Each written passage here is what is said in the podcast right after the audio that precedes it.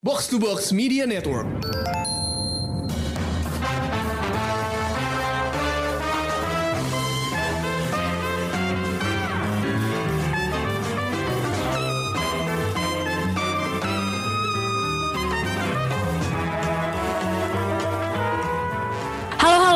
Selamat datang di Showbox Podcast dengan gue Lisa. Dan gue Amy. Kali ini kita bakal ngebahas Double Trouble, enggak enggak enggak. Kita, kita bakal ngebahas dua eh, dua tontonan yang baru kita nonton di Netflix. Kalau gue nonton series, kalau Amy nontonnya film. Jadi eh, kali ini kita beda, eh, jadi nggak nggak saling nonton bareng. Cuman kita pengen ngobrolin apa yang baru kita tonton di Netflix. Jadi kalau gue baru aja nonton Behind Her Eyes, ini tuh sebenarnya series eh, supernatural psychology trailer apa thriller gitu-gitu yang emang ceritanya tuh seremnya sebenarnya nggak serem cuma seru aja gitu buat ditonton. Dia sebenarnya udah ada di Netflix dari bulan Februari eh, dan emang sebenarnya cukup banyak diomongin gitu ya.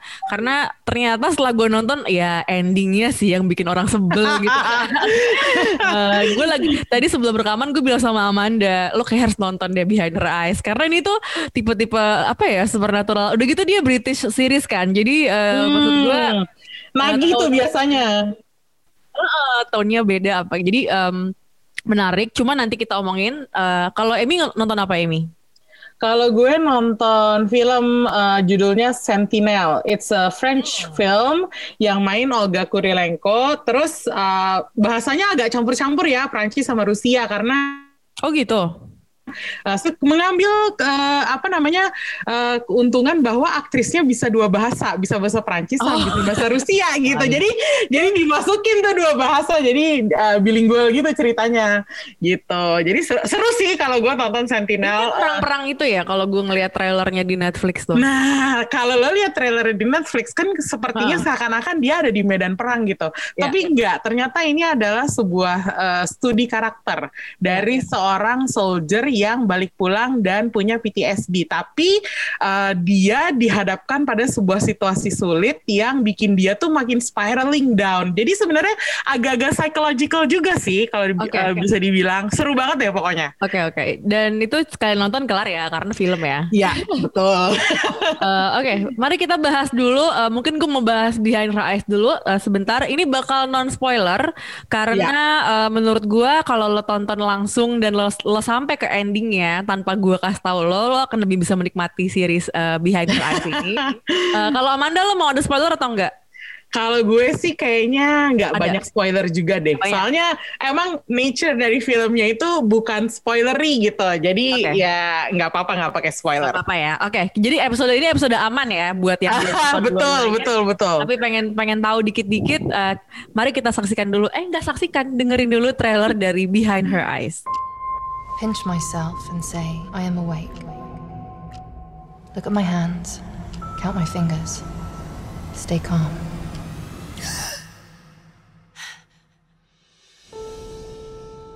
Have a good day. Love you. Love you too. I'm Louise, your secretary. It's nice to meet you. I just moved to the area. David's kind and generous. I work for your husband. You work with David. Small world. Adele seems perfect. They're both happier with me than they are with each other. You shine. What about your wife? Is it happening again, David? What are you talking about? You know what I mean. We all like to think we're in control of our own destiny. So much of our lives are shaped by other people. You need to learn to control your dreams, Louise. You and me, we're special. You always knew things. How is that? Once you start, some things can never be taken back. Maybe you engineered this. You said this was a fresh start. Now tell me before I start screaming. I see things. I see how scared she is of you. I am awake, awake. David isn't the man you think he is. Look at my hands. You keep interfering. You don't know what's going on here. Count my fingers. Stay calm and focused. just as messed up as anyone else. Just better at hiding it. Nah, itu dia tadi Behind Her Eyes. Ini ceritanya tentang seorang single mom namanya Louise. Eh, ini diperankan oleh si Simona Brown. Jadi eh, ceritanya dia single mom tinggal di se- di di kota besar gitu dan dia ketemu eh, sama bos barunya. Jadi awalnya tuh dia eh, adegannya eh, lagi di bar apa ya mungkin bar kali ya. Jadi kayak Hmm. lagi nongkrong-nongkrong gitu dan dia ketemu cowok nih. Dan kayaknya uh, klik gitu dia berdua ini gitu kayak uh, tapi there's something uh, ada yang aneh dengan cowok ini. Cuman uh, she she cannot quite figure it out. Jadi kayak ah sudahlah gitu. The next day Louis ini pergi ke kantornya dan ternyata cowok yang tadi malam dia temuin di bar itu namanya David adalah bos barunya dia. Ah. Kayak awkward. awkward gitu kan. Eh, Oke, terus eh, udah lama, udah akhirnya ya udah dia akhirnya pura eh, sempet ada drama dia ngumpet, terus pura-pura nggak mau ketemu dulu sama bosnya. Terus gue yang kayak how are you even gonna like avoid your new boss? Gue nggak ngerti deh. Eh, akhirnya kan ketemu juga kan, dan bosnya ini punya istri namanya Adele gitu. Dan setelah di eh, kulik-kulik ternyata hubungan mereka tuh dingin gitu, kayak kurang baik-baik saja gitu. Sementara si Ad- si Louis dengan David ini kok makin lama makin klik gitu. Ah, oke. Di mana supernaturalnya? Supernaturalnya ternyata ada di sosok istrinya. Kenapa di supernatural? Karena ternyata istrinya itu punya kemampuan buat eh, dia menemukan sebuah skill yang bisa eh, ngeluarin soulnya dari tubuhnya.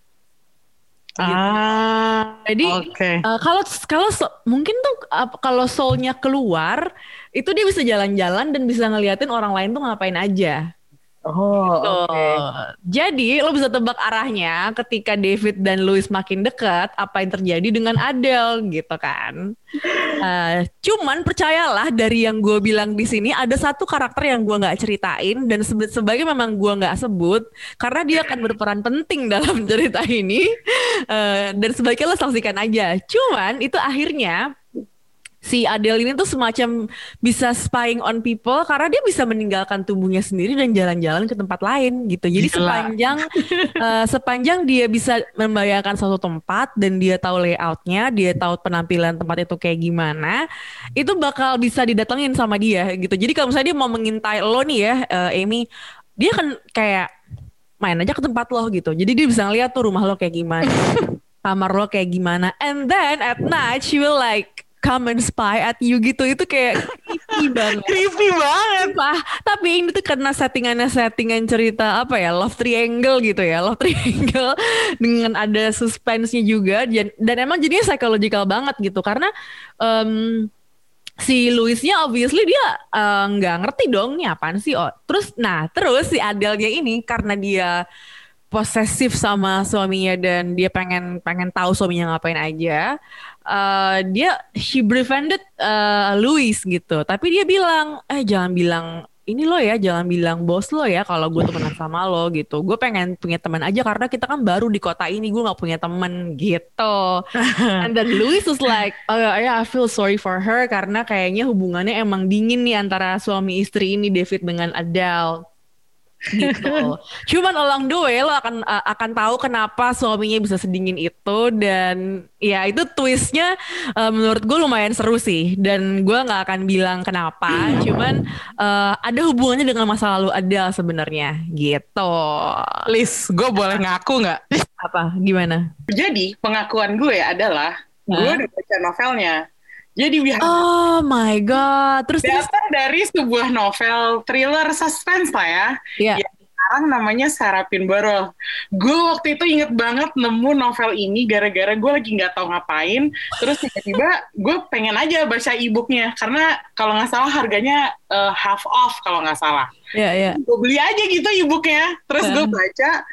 Terus begitu gue sampai endingnya, gue sampai kayak nggak bisa ngomong selama sejam kemudian. Gitu. Endingnya is pretty fucked up, right? Gue Ya, kayak pretty fucked up. ini kayak I'm assuming endingnya sama ya series sama Ya, bukunya. Endingnya sama dan gue kayak gue tadi begitu gue ngecek gitu uh, behind her eyes uh, itu tuh datang dari novel apa bukan ternyata iya dan oh my god ternyata ini novel fucked up yang waktu itu gue baca Oh my, gue kebayang sih perasaan lo pada saat lo mengetahui. Yap. gitu. Yap. Jadi eh, ketika gue itu kan nontonnya cuma nonton-nonton iseng kayak waktu itu gue kayaknya in between nonton apa ya jadi kayak butuh sesuatu. Karena kalau nonton British series tuh memang sangat menyenangkan dan apalagi ini tuh supernatural thriller gitu kan. Jadi Iya. emang menurut gue seru aja buat eh, gue saksikan apalagi cuma 6 episode. Jadi kayak sekitar dua hari di tiga hari dikit gitu ya tuh kelar tuh series. Jadi kayak eh, dan dan no pressure kan nontonnya juga kayak seru aja. Iya. Eh, cuman yang gue eh, harapkan lebih jelas adalah sebenarnya eh, eh, rule dari perpindahan soulnya itu sih. Oh ya itu Jadi kayak kenapa soulnya bisa keluar and then how people figure it out itu gue masih kayak kalau di seriesnya menurut gue nggak terlalu jelas. Mungkin nggak perlu jelas juga untuk orang bisa menikmati series ini dan bisa terpesona dengan endingnya ya. Cuman nggak tahu gue kayak I'm I'm kind of wishing uh, bisa lebih didetailin lagi di bagian itunya. Tapi gue nggak tahu nih kalau di bukunya dijelasin nggak sih kenapa soulnya itu bisa meninggalkan tubuh apa tubuh inangnya gitu loh. Dia bisa pergi sendiri jalan-jalan. kan serem banget kayak sebenarnya kayak Insidious cuman ini tuh bukan tersesat di mimpi gitu loh. Ini tuh kayak, ya udah gue jalan-jalan aja suka-suka gue gitu. Kan ngeri ya kayak Kayaknya kalau serialnya justru lebih lengkap daripada novelnya karena novelnya tuh cukup tipis kalau menurut gue oh untuk gitu tipis banget, pace-nya tuh cepet banget. Jadi gue dalam sehari itu berhasil selesai. Mhm. Dan urusan kayak dia meninggalkan tubuhnya itu tuh nggak dibahas bener-bener kayak dari chapter tengah sampai akhir tuh udah ada revelation gitu enggak gitu. Jadi kita tuh baru tahu beneran di akhir. Lo bayangin gak sih kita tuh kayak digantung gitu set- setelah misterinya tuh nggak dikasih tahu gitu. Jadi lo beneran harus kayak mau nggak mau lo kayak page turn, page turn gitu terus Oh gitu. my god, that's exactly what I did karena gue sampai nonton ulang kayak tiga episode terakhirnya begitu nyampe endingnya, terus gue kayak Hah, tunggu tunggu gimana gimana? Gue langsung kayak, oh miss? Gue yang kayak awalnya tuh gue sempet nggak ngerti. Hah, gimana kok? Gue sempet bingung gitu kan. Cuman akhirnya gue nonton lagi, gue rewind, terus gue kayaknya nggak cukup deh. Akhirnya gue nonton kayak episode limanya lagi, empatnya lagi. Akhirnya gue kayak, oh my god, oke. Iya, jadi you kalau menurut me. gue bahwa lu dikasih uh, apa gambaran tentang uh, gue bisa sebut astral projection kali ya. Boleh, boleh. Karena Iya. emang astral projection kan, itu Iya. sebutan nyawa keluarnya itu ya, bukan Iya, yang gue uh. bilang soulnya bisa pindah itu namanya astral projection. Jadi kayak uh, apa namanya kalau lu di serialnya memang mendapat uh, astral projection itu, itu tuh berarti baik banget serialnya sama penonton gitu. Jadi gue oke. tuh kayak gue masih inget banget pas baca itu, ini maksudnya apa sih? Ya masa dia kayak begini, dia bisa mata-matain dari mana gitu loh. Jadi Iya, itu iya. kayak wah ternyata serialnya jauh lebih baik dan lebih ramah daripada novelnya yang Oke, bikin. berarti buat lo yang belum baca bukunya segera nonton aja serialnya. Ya betul betul betul. Dan ini tuh menurut gue, eh, jadi kalau kalau lo nonton Doctor Strange kira-kira kayak gitulah nyawanya bisa terbang ke mana. I mean, that's exactly the same kan, astral projection, ya nggak sih? Tapi bedanya kalau di Doctor Strange kan uh, related to magic gitu ya. Kalau ini kan agak-agak sedikit lebih membumi gitu dengan orang-orang biasa sebenarnya. Hmm, Kayak oke, dia oke, oke. profesinya housewife gitu. Iya, iya, iya. Bukan dokter, bukan apa. Terus for some reason Behind Her Eyes ini muncul di Netflix. Waktu waktu gue nontonnya kan eh, baru kayak I, I think last week gitu ya. Dan Uh-uh. itu tuh berbarengan dengan Jordan Peele asnya Jordan Peele tayang di Netflix. Jadi ketika nonton endingnya gue kayak hold on. this, is too, this is too similar. Gue yang kayak wow, oke gimana gimana. Dan agak-agak mengingatkan gue ke As sebenarnya gitu. Lo ngerasa Oh. gitu gak sih? gue karena gue belum nonton jadi gue nggak nggak Oke, bisa oke, ngomong oke. nih. Cuman kalau dari yang kalau inget suasana pas baca bukunya, gue ngebayangin uh, atmosfer creepy-nya pasti dapat banget dong. Iya. Heeh. Ya, Karena dan beneran settingannya tuh di mobil. Oke, anyway, settingannya tuh di mobil and then something happen and then you realize something kayak motherfucker.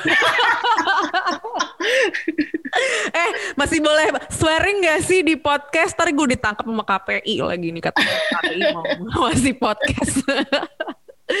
Jadi gitu, kalau mau tertarik suatu series yang pendek, eh, eh, supernatural thriller, mm, astral projection, if that's your cup of tea, em, nonton aja Behind Her Eyes, cepet kok nontonnya nggak nggak lama-lama dan seru dan menurut gue lumayan lagi sih karena emang ceritanya eh, engaging banget gitu. Hmm, Oke, sekarang kita dengerin trailer dari Sentinel ya, Amanda. iya.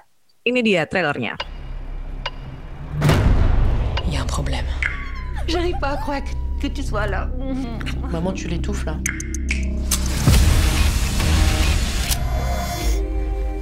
Ça va aller maintenant. Tu es avec nous. On va s'occuper de toi.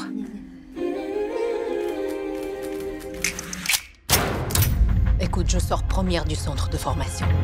Je parle cinq langues. Et tout ça pour apporter le bitume sur l'opération Sentinelle. C'est pas exactement ce que j'avais prévu, tu vois. Votre sœur a été retrouvée ce matin. D'après les premières expertises, il semblerait qu'elle ait été violée. Vous savez ce qu'elle a fait hier soir J'étais avec elle euh, au Millennium. Je reviens dans une minute, ok Tania C'est avec lui que ma sœur a terminé la soirée. Il s'appelle Ivan Kadnikov. Ivan Kadnikov est le fils de Leonid Kadnikov. C'est aussi un homme influent et respecté que certains disent protégé. C'est ma parole contre la sienne. Des gens diront que je l'ai cherché. Ce qu'il a fait à toi, il a fait à d'autres. Il le fera encore. Il ne peut pas s'en tirer comme ça.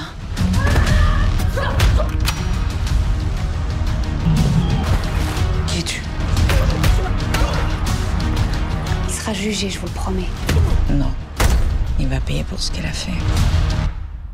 Maintenant. Nah, gimana gimana? Coba cerita dulu tentang Sentinel. Wah, oke, Sentinel itu eh, kalau dari judulnya aja ya mungkin eh, apa? Mungkin udah nangkep gitu ya. eh, Sentinel tuh artinya apa? Jadi Sentinel ini sebenarnya satgas khusus di kepolisian Prancis apa di militer Prancis yang eh, mengawasi eh, terorisme. Jadi terorisme dalam negeri. Jadi se- eh, karakternya Olga Kurilenko nih eh, dia seorang interpreter tadinya yang berada di satuan lain di Syria, terus terjadilah sebuah insiden pengeboman. Dia menyaksikan seorang anak kecil uh, pakai bom bunuh diri dan itu tuh traumatis banget buat dia. Makanya uh, dia dipulangin balik ke Prancis uh, karena ya dia udah nggak nggak bisa bertugas lagi karena dia punya uh, penyakit apa ya kayak semacam PTSD gitu loh dan uh, PTSD-nya ini tuh uh, lumayan berpengaruh ke kondisi kejiwaan dia di mana dia tuh jadi violent banget. Nah, begitu dia gabung sama uh, tim yang namanya Operation Sentinel di Nice, nah itu tuh dia uh, apa namanya uh, mulai eh, apa ya terproyeksikan dengan cara-cara yang nggak ngenakin lah. Kayak contohnya mereka kan patroli tuh di Nice di pantai di daerah-daerah eh, apa namanya yang banyak turis. Kan eh, Prancis tuh multikultural ya, jadi banyak orang kulit hitam, banyak orang Arab. Nah dia tuh eh, ngelihat orang pakai hoodie aja tuh langsung curiga gitu, dia kejar. Atau misalnya dia menyaksikan ada orang berantem di pinggir laut, di pantai, eh, ada cowok ngebukin cewek, dia langsung nyerang tuh cowok, langsung diseret ke laut terus ditenggelamin gitu. Maksudnya itu kondisi kejiwaan yang kayaknya udah nggak aman lagi lah kalau buat soldier untuk eh, bertugas di medan perang gitu ya. Em, tapi Nah, satu lagi yang bikin dia triggered adalah suatu malam dia sama adiknya, cewek ini kan namanya Clara nih yang diperanin sama Olga Kurilenko. Uh, Dia sama adiknya namanya Tania pergi ke klub malam. Nah adiknya ketemu cowok, pergilah mereka bareng-bareng. Sementara si Clara ketemu cewek, dia juga pergi pulang sama nih cewek gitu. Besok paginya dikasih tahu bahwa adiknya koma karena diperkosa sama cowok yang ngajak dia pergi malam-malam itu. Nah, sejak itu tuh dia mulai spiraling down karena dia mulai menginvest- menginvestigasi sendiri. Padahal udah ada polisi dalam kasus ini. Polisinya cewek pula dan uh, polisinya itu uh, tampaknya simpatik terhadap si uh, Clara ini, kasusnya Clara ini dan itu dia uh, gak sabaran si Clara ini, jadi dia investigate sendiri, akhirnya justru cekcok sama polisi. Kalau yang menurut gue yang menarik dari Sentinel ini adalah satu, kita mendapat uh, gambaran uh, soldier yang PTSD sampai dia tuh uh, nggak bisa menahan apa ya, uh, menahan emosinya. Kalau dipikir-pikir uh, ininya premisnya kan lumayan sama Mot, sama Taken. Jadi ada anggota keluarga yang diculik, yang disakiti, terus dia ngejar uh, orang yang menyakiti itu gitu. Tapi beda banget nih sama uh, Taken. Kalau di situ kan Liam Neeson tuh kayaknya wah dia cold, calculating, uh, semuanya rapi. Tapi justru di sini tuh dia nggak rapi sama sekali gitu. Clara ini uh, memburu orang itu berdasarkan emosi, bukan berdasarkan apa ya kayak uh, satu tujuan tertentu yang mission oriented gitu enggak gitu. Jadi hmm. makanya lumayan menarik melihat uh, gimana perjalanan psikologis seorang soldier cewek ini ini hmm. dari yang dia tadinya um, di medan perang tuh dia udah apa ya establish sebagai interpreter ngebantuin soldier sama-sama gerak bareng uh, itu tuh tiba-tiba sekarang tuh jadi kayak goyah gitu loh dan ada satu adegan yang kalau menurut gue cukup brutal di mana uh, kan adiknya diperkosa sama orang kaya. Nah orang kaya ini mungkin mau nutup-nutupin, mau cover up the whole crime.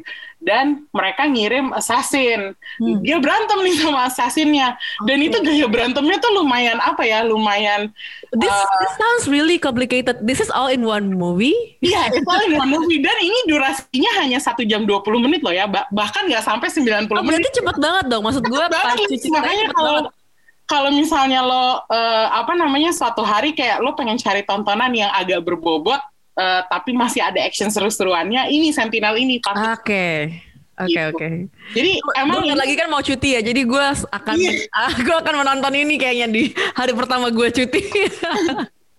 dan ini tuh memang seakan-akan dibuat uh, ini ya gue nggak nggak tahu ya gue uh, kurang kurang familiar sama tim di balik uh, produksinya tapi hmm. uh, yang menarik adalah si sutradaranya itu pernah uh, ngedirect film Hollywood juga uh, The Informant nah terus gak cannot recall itu yang mana ya? The Informant. Lo pernah nonton nggak Uh, The Informant sebenarnya kayak uh, dia tuh film Prancis, uh, Oke. Okay. lumayan besar gitu. Jadi kalau lo pernah nonton apa ya, lo pernah nonton festival seri sinema Prancis misalnya, atau lo penggemar uh, film-film Prancis, The Informant tuh salah satu yang okay. lumayan ini hmm. ah lumayan uh, apa namanya lumayan gede namanya gitu, karena castnya tuh lumayan ya itu uh, all star cast, star studded cast gitu. Tapi okay. memang kayak kalau misalnya lo mau uh, tahu siapa yang dijual, namanya ya of course itu Olga Kurilenko di sini. Satu-satunya uh, komplain gue adalah dia tuh terlalu kurus untuk mainin seorang soldier. Namanya juga supermodel ya, kalau si Olga. jadi, tunggu tunggu. Emang kalau kalau if you if you can cast uh, actors to this role, lo bakal kasih apa? Hmm, gue bakal ngekes siapa ya? Gak kepikiran juga sih. Kalau misalnya uh, apa namanya uh, kelihatan uh, dia tuh dia kan pakai baju tentara, pakai baju tentara aja masih terlihat langsing gitu. Hmm. Kayak maksudnya kurang kurang muscle aja. Tapi okay, okay, okay. jadinya jadinya efeknya adalah pada saat adegan-adegan berantem dia tuh nggak super powered yang kayak apa Wonder Woman Gal Gadot nggak pernah kalah gitu. Jadi dia tuh kayak apa ya? Dia tuh lebih lebih apa ya gaya berantemnya tuh lebih natural, nggak yang super banget, nggak super cekatan banget, tapi jadinya kayak apa sih? Oh, gue ngerti kenapa uh, adegan ini tuh terlihat kayak dia tuh seakan-akan kurang kurang apa ya kurang power gitu ya mungkin karena dia lagi kondisi emosionalnya juga nggak bagus gitu hmm. tapi ya apa setelah gue baca-baca reviewnya tuh ada yang bilang emang dia tuh kayak terlalu badannya tuh terlalu langsing gitu untuk hmm. untuk jadi believable soldier kalau gue mikirnya dia pakai soldier fatigue saja dengan apa rompi apa segala macam senjata tuh masih kelihatan kok mbak ini uh, langsing banget ya tinggi banget ya ya nggak apa-apa sih cuman kayak kayaknya kalau misalnya bisa lebih keker dikit mungkin bisa lebih dipercaya gitu Oke, okay, tapi uh, karena dari semua pengkarakterannya itu, ini kan ceritanya sebenarnya cukup sensitif ya, karena ya. uh, rape, rape gitu kan tentang uh, itu. Menurut lo uh, ada yang problematis nggak dari cara mereka menceritakan uh, subjek? Uh, ada, karena uh, salah satu hal yang men-trigger si Clara ini untuk akhirnya beneran ngejar pelaku rape-nya itu adalah karena adiknya uh, mengatakan dia nggak mau nuntut dia nggak mau press charges itu hmm. yang kalau menurut gue jadi poin penting dalam cerita uh, gimana misalnya korban rape-nya itu sendiri nggak mau uh, ngelanjutin kasusnya gitu. Apakah kita berhak untuk uh, mengatakan ke dia yang lo lakukan itu salah, lo harusnya menghukum rapist gitu. Tapi kalau korbannya sendiri udah nggak mau, terus gimana gitu? Itu bikin gue mikir sih, kayak oh oke okay, adanya nggak mau manjang-manjangin masalah, tapi justru kakaknya yang ini kan uh, terbakar. Yeah, yeah, yeah. Uh, ininya gitu, emosinya gitu. Jadi ya itu sih di pas ada di situ gue sempet kayak pause sebentar kayak mikir ini gimana ya gue menyikapi adegan ini ya? Sampai sekarang gue juga masih bertanya-tanya ini gimana gue harus menyikapi adegan ini? Gitu. Tapi kalau dari segi ceritanya sih itu memang kayak turning point yang penting banget buat si Clara. Karena sejak dia denger adiknya nggak mau pursue the matter nggak mau press charges ya udah dia tiba-tiba kayak jadi liar aja gitu berontak aja gitu Hmm, oke oke. Jadi mungkin ini lebih kepada kemarahan seorang kakak ya karena uh, adiknya tuh disakitin gitu kan. Iya. Yeah. Uh, and she happens to be a soldier. Jadi yang kayak fuck this, I'm gonna just like I'm gonna find this killer gitu kan. Maksudnya kayak emang yeah, yeah, yeah. Uh, sebenarnya banyak kan cerita-cerita kayak gini. Maksudnya gue cerita orang yang merasa apa ya marah terhadap karena dia uh, bukan jadi jadi korban ya, cuman dia bisa ngerasain uh, kesakitan yang dirasain korban sampai yeah. akhirnya dia mengubah jalan hidupnya atau melakukan sesuatu yang sangat drastis untuk ke situ gitu kan. Mm. Menurut lo kayak yang apa arc yang kayak begini tuh uh, ngebosenin apa enggak sih? Maksudnya ini ketebak atau kayak uh, ya udah nggak apa-apa gitu? Kalau menurut gue karena uh, ini dari sudut pandang. Jadi ceritanya nih ya, jadi dari sudut pandang seorang protagonis cewek. Hmm. Kalau menurut gue itu yang menarik karena kita sekali sekalinya nih dapat protagonis cewek, terus langsung dia menghadapi masalah rape gitu. Hmm. Dan kalau gue sih, menurut gue di fase ini tuh uh, sebaiknya jangan berhenti gitu. Hmm. Uh, justru kalau bisa lebih banyak film nampilin uh, exposure terhadap masalah-masalah kayak gini. Yeah. Jadi kalau kalau gue di di film Sentinel ini justru itu uh, apa ya uh, hal yang bikin gue akhirnya stay mau nonton sampai habis. Karena kalau karena gini ya kayak gue udah kebiasaan nonton film-film Hollywood yang macam-macam Taken gitu. Hmm. dan Taken itu kan juga kayak apa sih revenge thriller yeah. gitu. Dia udah aja nembakin orang kayak terus uh, apa kayak dia tuh nggak ada celaknya gitu. Dan nggak ada sisi manusiawinya gitu jadinya. Kalau menurut gue justru Sentinel ini jadi contoh yang lebih apa ya lebih real daripada uh, situasi di mana lo uh, harus membalas dendam uh, adik lo. Bukan lo sendiri yeah. tapi anggota keluarga lo yang disakitin gitu. Kayaknya lebih lebih menarik aja sih. Jadi buat gue sih nggak boring ya Lis kalau misalnya uh, ada lagi tema yang seperti ini, gue rasa sih masih bisa kita bicarain gitu. Ah, oke okay, oke. Okay. Berarti tadi kalau mau nonton yang diomongin sama Amanda, itu judulnya Sentinel, itu udah tayang di Netflix dari kayak minggu lalu ya? Uh, iya. Minggu lalu ya. Gitu deh. Mungkin kita akan mengakhiri, kita ngobrolin Oscar sebentar kali ya, nominasi Oscar oh. yang kemarin lagi untuk mengakhiri episode ini kita ngobrolin Oscars karena kemarin ketika ada kemarin tuh hari Senin yang ini kita rekaman hari Selasa ya Selasa malam dan Senin tuh Senin yang sangat sibuk. Kenapa? Karena ada Grammy Awards dan uh, internet tuh ramai dengan uh, ada yang Beyonce menang, ada yang Harry Styles menang, udah gitu BTS kalah gitu kan. Itu rame banget. Terus di akhir itu tiba-tiba ada lagi nominasi Oscar. Jadi kayak wow, what a day for pop culture. Gue sampai overwhelmed sendiri gitu. Cuman uh, ketika nominasi Oscar ini keluar, gue tuh langsung ter terpeng apa ya? Termangu, lah termangu anjir. Lebih ke ini sih kayak Iya, gue tuh kayak we've we've been through a year without actually going to cinemas gitu. Gue uh, terakhir ke bioskop tuh Februari 2020 gitu kan. Jadi um, bener-bener kayak bengong aja ketika ada nominasi Oscar. Iya, gue setahun ke belakang ini nonton apa aja? Nontonnya yang yang kalian dengerin di Showbox sudah nggak ada yang lain.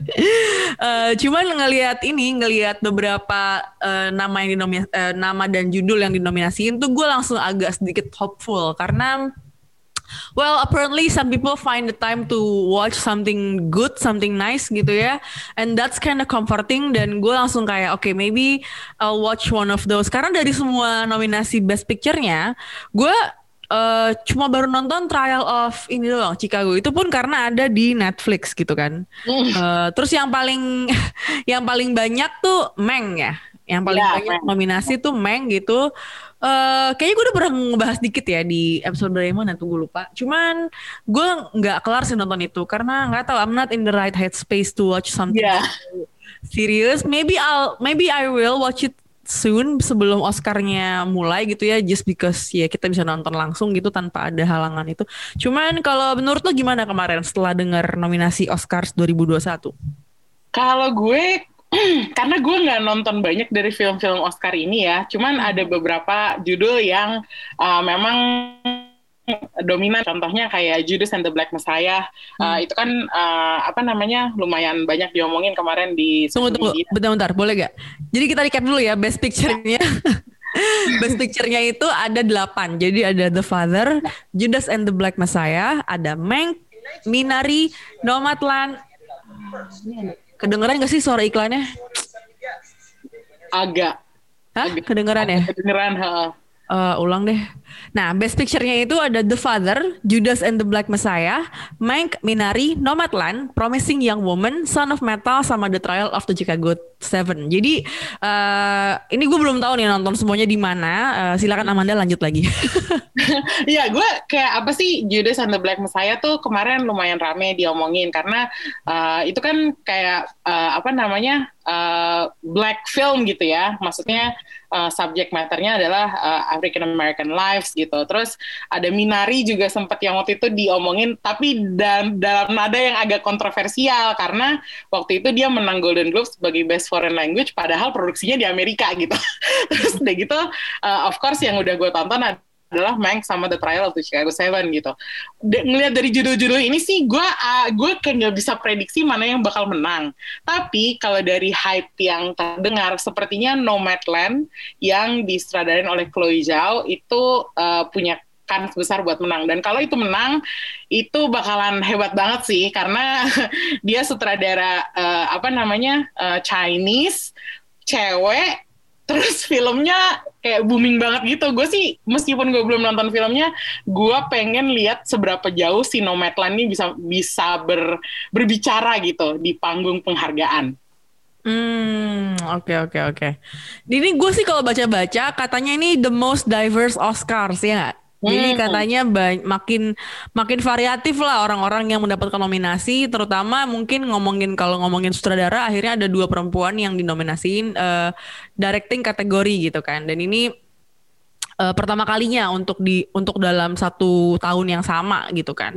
Jadi eh, ya we'll see ya, we'll see karena ini harusnya tayang. Sebenarnya kan Oscars tuh bulan Februari ya, award season Ya. tuh. Cuman ya emang mundur semuanya dan Oscarnya sendiri bakal ditayangin 25 April eh, Minggu ya, itu hari Minggu 25 April di Amerika which means 26 waktu Indonesia, waktu Jakarta, waktu Indonesia lah ya. Em, pagi itu Senin pagi gitu kan. Jadi eh, ini sih kayak lagi puasa nih. Iya nggak sih? Abis subuh jangan tidur. Iya udah loh ya kan Abis sahur udah tuh Cus lanjut nonton Oscar Ada jagoan tersendiri nggak sebelum kita tutup episode kali ini? Kalau gue ya entah kenapa gue pengen banget ngelihat eh, apa namanya best actornya dimenangin sama Chadwick Boseman karena meskipun dia udah meninggal udah menjadi almarhum eh, dan ini posthumous nomi- nomination juga gitu. Tapi eh, gue sempat ngelihat sih trailernya Marini's Black Bottom yang di mana si Chadwick Boseman tuh jadi eh, pemeran utamanya. Itu keren juga sih dia di situ. Jadi nggak tahu gue pengen kan Oscar kan sering banget tuh ngasih apa posthumous uh, award ke waktu itu ke siapa namanya yang main Joker Uh, Heath Ledger, Heath Ledger. Kenapa enggak? Soalnya banyak yang main Joker gue mikir dulu. iya iya iya. Ya, maksudnya kayak uh, it will be yang great. berprestasi ya. gue pengen aja ngelihat apa namanya uh, what will happen if Chadwick Boseman won an Oscar after he passed away gitu. Hmm. Kalau gue jujur aja ya, gue belum nonton Son of Metal sih. Cuman Riz Ahmed cuy. iya itu juga. Gimana ya? Berat nih, maaf maaf nih Om Gary Oldman, ada Steven Yeun juga, Minari nih actor and leading role. eh, ketat nih ininya apa persaingannya gitu. And then kalau aktris gue yang leading role-nya itu ada Viola Davis, eh, Andra Day, Vanessa Kirby, Frances McDormand dapat lagi nominasi dan Carey Mulligan. Gue masih belum tahu sih karena belum nonton semuanya nih. Cuman mungkin kita akan bahas ya episode khusus Oscar Oh, betul betul kita Buat- harus episode khusus. Kita balapan dulu, kita balapan dulu gitu kan. Tapi cari filmnya dulu, Lis. Nah itu tuh puyeng tuh nyari filmnya. Dan kalau ada yang kemarin ramai nonton Borat tuh juga dapet tuh dia. Tapi dia Ya, dapetnya adapted screenplay. Jadi uh, we'll see. Gue nggak lihat sih di mana lagi dia dapet selain di adapted screenplay. Cuman Ada best supporting actress. Oh ya, oke fine. Jadi eh, lumayan lah ya Borat ini. Gue belum nonton sih. Kemarin tuh rame banget ketika dia ini kan, ketika dia tayang gitu. Tapi gue yang kayak I don't know. Eh, malah Glenn Close eh, di Hillbilly eh, Elegy malah dapet eh, ini dan itu bisa lo tonton di Netflix juga kan? Eh, actress ini supporting Iya, iya. role juga. Gitu oke. Udahan kali ya kita ngebahas em, acara-acara di Netflix dan juga Oscar sampai jumpa minggu depan. Bye